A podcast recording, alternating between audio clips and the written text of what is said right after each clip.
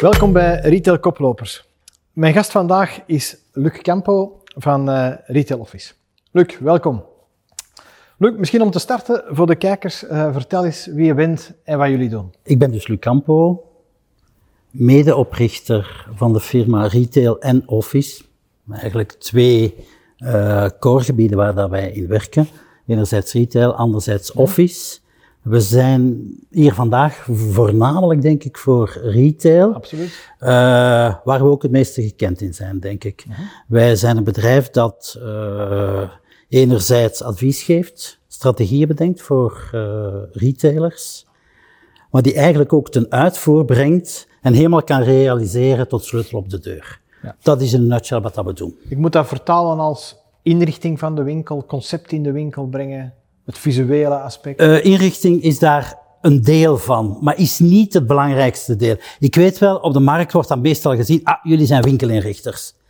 Uh, dat, is, dat is voor een gedeelte waar, maar eigenlijk wat wij doen, dat is de winkel inrichten, uh, doen we altijd eigenlijk met een doel. Uh -huh. En het doel is geld verdienen. Dat is wat elke retailer wil doen.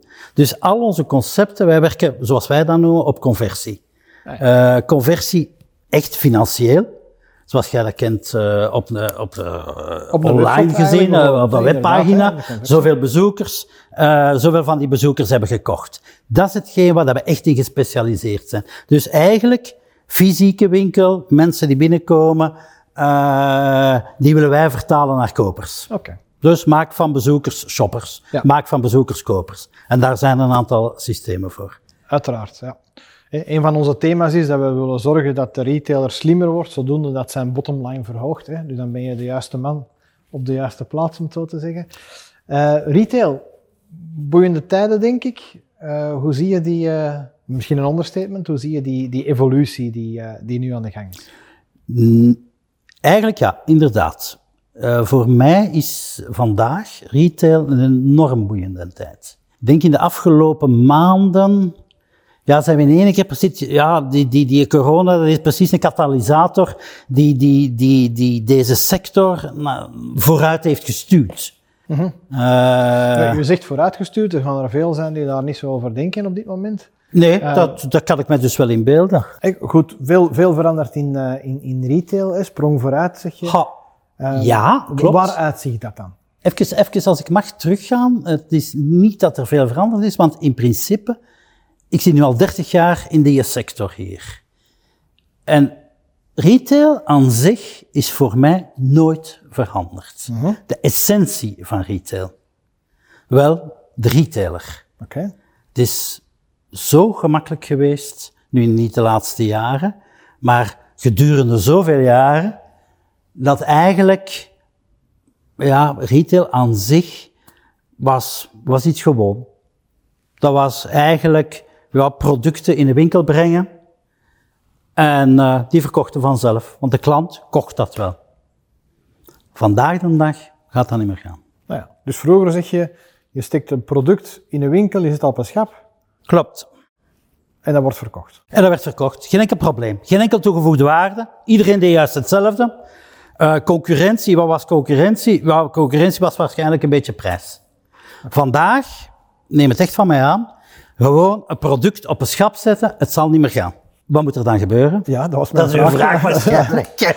ja. Dus ik zei daar redelijk veel tegen onze klanten. En dan zie ik die eigenlijk altijd nogal, nogal kijken van, oh, wat vertelt hij je nu? Het gaat er eigenlijk over een product aan zich, nee. Een product dat ondersteund wordt door een verhaal, dat is de oplossing voor de toekomst. Oké. Okay. Moet ik een voorbeeld geven? Ja, graag. Uh, ik, ik, heb een heel tof voorbeeld. En, en dat is de firma van Ekkelpoel in Herentals. Ik weet niet of je ze kent. Ze hebben zojuist een prijs gewonnen voor de beste supermarkt. Wat is daar interessant aan een verhaal? Zij verkopen wijn.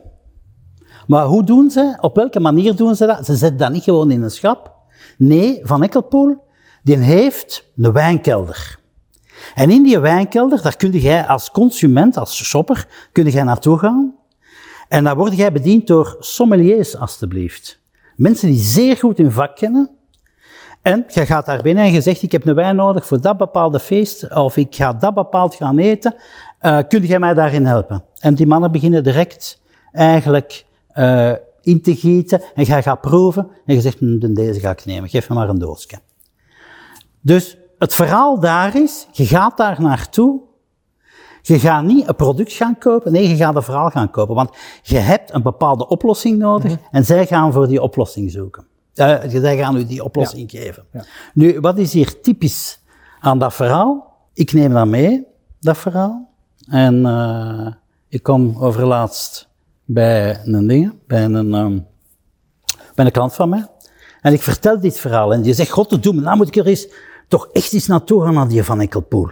Ik heb dit verhaal al zoveel keren gehoord en eigenlijk moet ik dat nu wel zelf eens gaan meemaken. Dus wij hebben hier niet over wijn gesproken, wij hebben wel gesproken over het verhaal dat achter die wijn zat gesproken. Begrijp je? Ik wil, ik wil even challengen. Ja. Um, je, je, kan er vertellen over, over sectoren waar heel veel toegevoegde expertise is. Ja. Neem een multimerken kledingwinkel.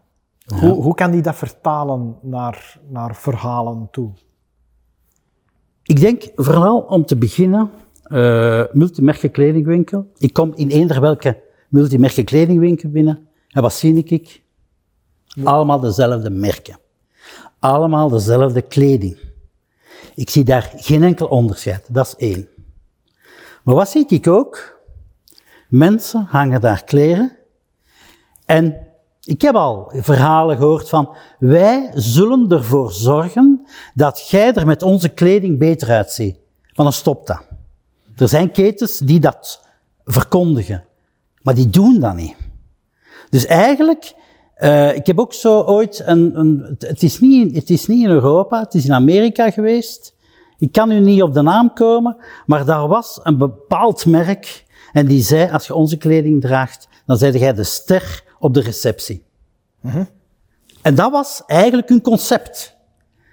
En in functie daarvan kwamen klanten naar die keten. Die kwamen naar die winkel en, want die wouden de ster van de receptie zijn, van de cocktail. In Amerika waarschijnlijk belangrijker dan bij ons, al was bij ons ook redelijk belangrijk.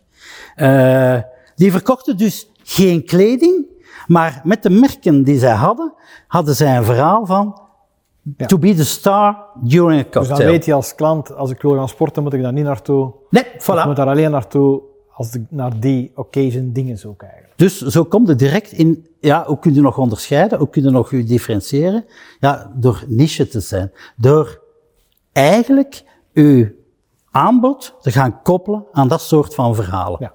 Door niche te zijn, wil je dan zeggen, het is beter in de diepte gaan dan in de breedte? Goh, dat weet ik niet. Dat durf ik, daar durf ik geen mening over te geven. Uh, ik denk, we hebben dat toch ooit nog samen meegemaakt, die ene met zijn kaktussen. Ja. Uh, in Kopenhagen, daar. Ik vond dat eigenlijk een schitterend verhaal. Die verkopen alleen cactussen. Ja. Maar die verkochten dat lokaal, maar ook tegelijkertijd, omdat ze online waren, internationaal. Uh-huh. Dus die bedienden een lokale community, maar ook een internationale community. Enkel cactussen. Oké lokaal, je, je zegt het woord nu eerder toevallig, maar ik weet dat ook een van uw stokpaardjes is. Eerder toevallig niet, dus. ja, dus uh, lokaal, je spreekt ook van, op je blog van de, de, de kleinhandel wordt plushandel, uh, als ik het goed gelezen heb. Um, kan je daar wat inzicht Dat hebt u perfect gelezen, Peter. Ja. ja, je weet, of, of als je het hebt gelezen, heb je het waarschijnlijk ook gelezen kleinhandel, ja, die, die, die, die klein van kleinhandelaars, ik vind dat een enorm pejoratieve, ja, ik vind dat een enorm cynisch woord, negatief, eigenlijk een woord met veel negativisme in. Terwijl ik eigenlijk vandaag op de markt, en dat gebeurt worldwide, een soort van nieuwe ondernemers die opstaan, die eigenlijk anders zijn. En ik heb die de plus retailers genoemd. Gewoon, een plus, wat is dat? Ja, dat zijn mensen die, die, die heel boeiend zijn.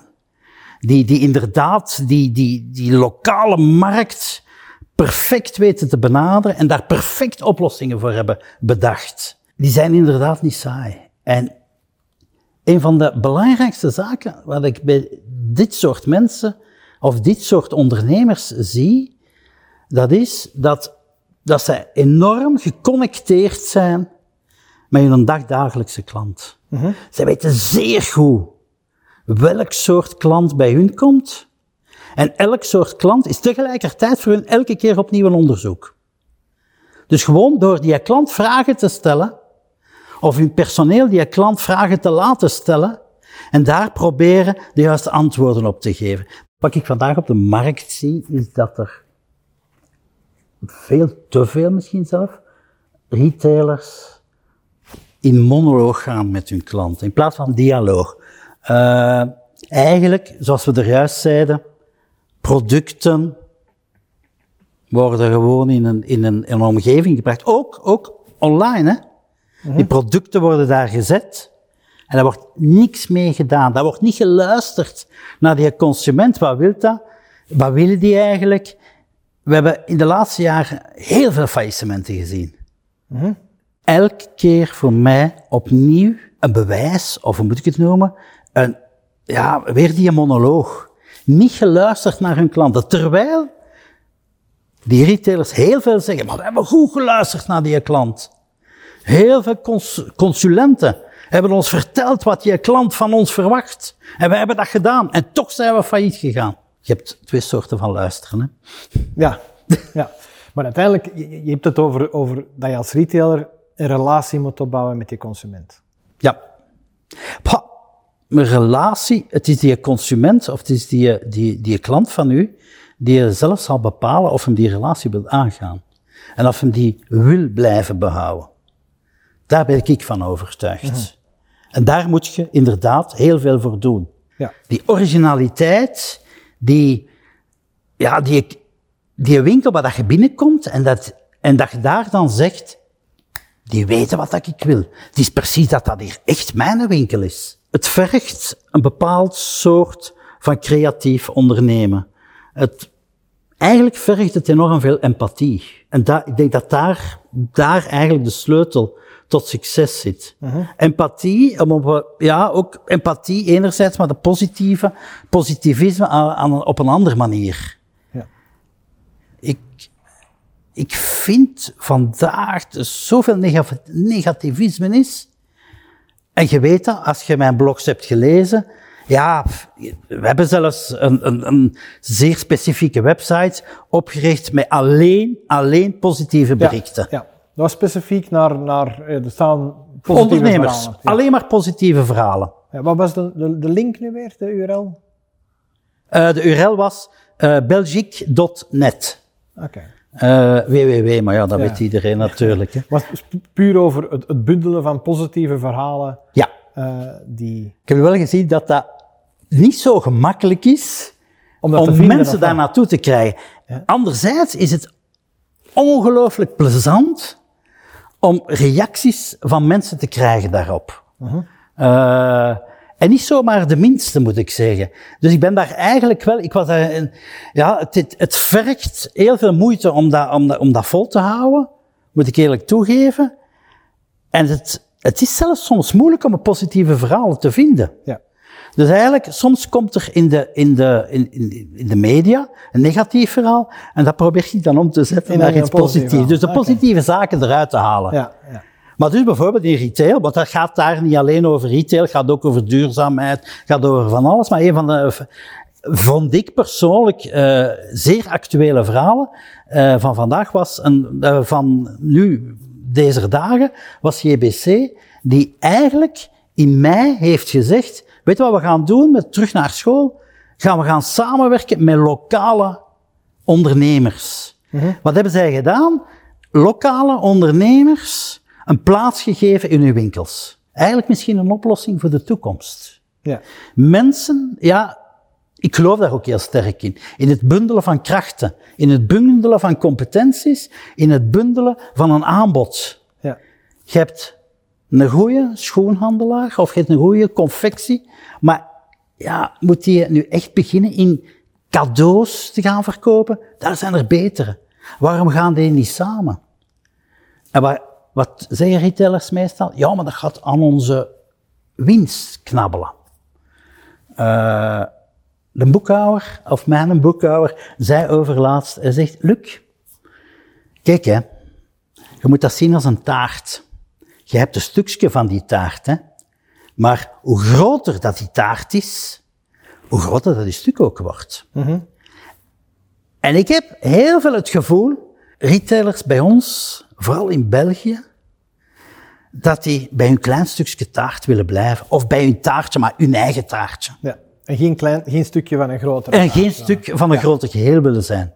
Denken ervan, ja, we- dan kunnen we niet meer zelf beslissen enzovoort. Ja. Heel veel familiebedrijven, en dat is ook typisch hè, voor een familiebedrijf. Nu, misschien wel het goede nieuws. Ik heb, heb, voor, voor, voor kijkers van, van, van, van ons kanaal hebben we ge- gemerkt dat er al meerdere initiatieven zijn rond, rond samenwerken. Hè. Dat, er, dat er meerdere, eh, nog altijd de minderheid, hè, maar, maar de kruisbestuiving tussen verschillende sectoren. En, eh, goed, daarnet zei je even in het, in het, in het verhaal het woordje eh, sustainability. Is, is dat een belangrijk thema vandaag in de retail of is dat eerder een, een modewoord in de pers? Wat ik zie of wat ik vind, ik vind dat een belangrijk thema. Mhm. Persoonlijk, een enorm belangrijk thema.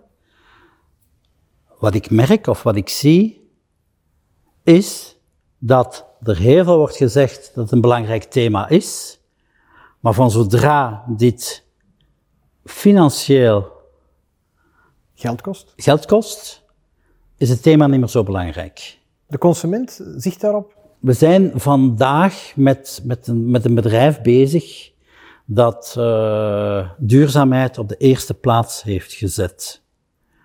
En wat dat je merkt, terug weer, met een beetje ondernemerschap en creativiteit, lijkt dit ook een heel succesvol verhaal te kunnen worden. Oké. Dus het is de manier hoe dat je het doet weer al. Ja. Het is niet, eh, ja, dat kost mij geld, Ja. dus ik ga dat niet doen. Maar je moet het hey, conceptueel doen. Je moet strategie daar rond Ja, En, en- daar ben ik van overtuigd. En duurzaamheid is natuurlijk ook de manier hoe dat je eh, op lange termijn met uw consument, met uw klant wilt omgaan. Dat is ook duurzaamheid, uiteraard. ja, absoluut. En duurzaamheid is niet alleen, is niet alleen groen zijn, Nee. of is niet alleen denken aan de toekomst van onze kinderen. Ja. Misschien om, om af te ronden. ehm, je, hebt, je hebt verteld over eh, vandaag is een product op een schap zetten, eh, een prijs opkleven en wachten tot er klanten voorbij gaan en dan stopt het verhaal niet meer voldoende is. Hè. Je speelt over de volledige context, het verhaal, de, de story. Ehm, ook de mensen daarachter, vanuit de, de winkel. Zeer juist. Want De mensen daar- daarachter zijn, Ja, als je dan over fysieke winkels spreekt, zonder twijfel, Ja.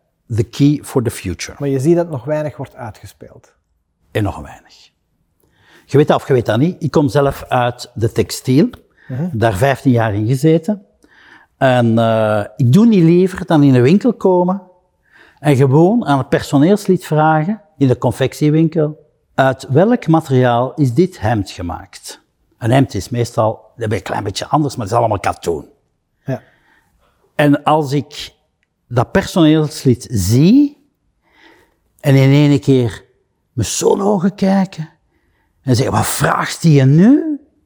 Mensen weten niet meer wat er verkocht wordt. Maar jij verwacht dat die dat weten. Nee, ik verwacht dat niet. Ik ben eigenlijk, nou, zo, ik ben niet zo, ben niet, ik ben niet zuiver op die moment.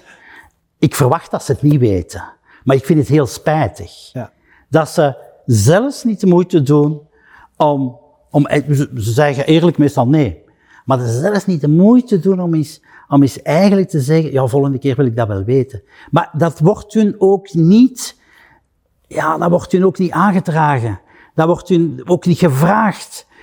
Betrokkenheid, ja, je kent dat, hè, eh, job raggers, eh, dus rekkenvullers zijn of echt een verkoper zijn. Vandaag de dag veel te veel rekkenvullers. Daarmee gaat het niet halen. Dat is als Eigenlijk, dat. ja, er is nog een heel potentieel. Het is een enorm potentieel. Ja. Maar je weet ook, het zijn wel de mensen die het minste worden betaald. Misschien minder, da, minder zelfs dan de zorgsector eh, vandaag de dag. En ze moeten zaterdag en zondag ook werken. Ja, dit is niet het meest uitdagende in een, ja, Ja. de tijd van vandaag. Ja, begrijp ik. Heel wat eh, inzichten, denk ik, en heel wat dingen om over na te denken. Ehm, Om, om af te ronden is er nog een, een misschien een heel uh, moeilijke vraag, uh, denk ik toch. is er nog één gouden tip dat je kan, kan zeggen, daarmee vat ik veel samen, dat, daar, dat is een insteek voor retailers om even bij stil te staan? Ik heb gemerkt in de laatste jaren dat wij houden ons dus bezig met winkelconcepten. Mm En eigenlijk vandaag de dag is dat niet meer de richting om te gaan, volgens mij. Wat doen wij vandaag? Wel, en waar zien wij dat er wel succes kan gehaald worden? Dat is met quick wins, hebben we het genoemd, een quick win strategie. Uh, we hebben dat al bij een aantal uh, retailers toegepast. Wat is dat eigenlijk? Je begint met kleine investeringen, dus met, met ingrepen op winkelniveau, die gerelateerd worden aan al de media. Dat is dus inderdaad webshop, dat -hmm. is dus inderdaad -hmm. sociale media, maar dit is ook mond-aan-mond -mond reclame. Dat wordt allemaal aan elkaar gekoppeld. Dus dat is eigenlijk een kleine ingreep met heel veel impact op een winkeloppervlakte. Okay. En dat werkt enorm. Kost geen geld, kan heel snel uh, verdeeld worden en uw personeel kan je betrekken. Ja. En je begint mensen op een andere manier te leren denken, als personeel dan, uh, vanuit dat klein winneke. En je weet, vele winners maken ene ja. groot. En dus, dus vroeger had ik gezegd, bah, gebruik die strategie niet. Uh, je komt nooit tot, een, tot een sterk concept. Vandaag zal ik het eigenlijk eerder aanbieden. Veel moeilijker voor ons. Hè. Voor ons veel gemakkelijker. Heel concept. Nee, het gaat kleine ingrepen die ja, na een tijd enorm veel succes ja. kunnen brengen. Dus eigenlijk, eigenlijk, kan ik dat een beetje vergelijken naar de, uh, met, met een online business, webshopverhaal, doet men kleine ingrepen om de conversie te verhogen. Ja. Eigenlijk pas jij dat toe in real life in een echte winkel. Helemaal juist. Oké. Okay. Dat vind ik, uh, en, jullie doen dat ook. Ah, dus. voilà, doen dat, hè, in, uh, ja. Goed, dat is, een, uh, dat is een interessant inzicht. Ik denk dat, dat, dat, dat daar veel mensen mee aan de slag kunnen. Luc, bedankt voor het, het delen van, van, van deze inzichten en die kennis. ik wens je nog, nog veel succes. Dankjewel Peter. Het was mij zelfs een genoegen om samen met u op de fauteuil te mogen ah, zitten. Voilà, Goed.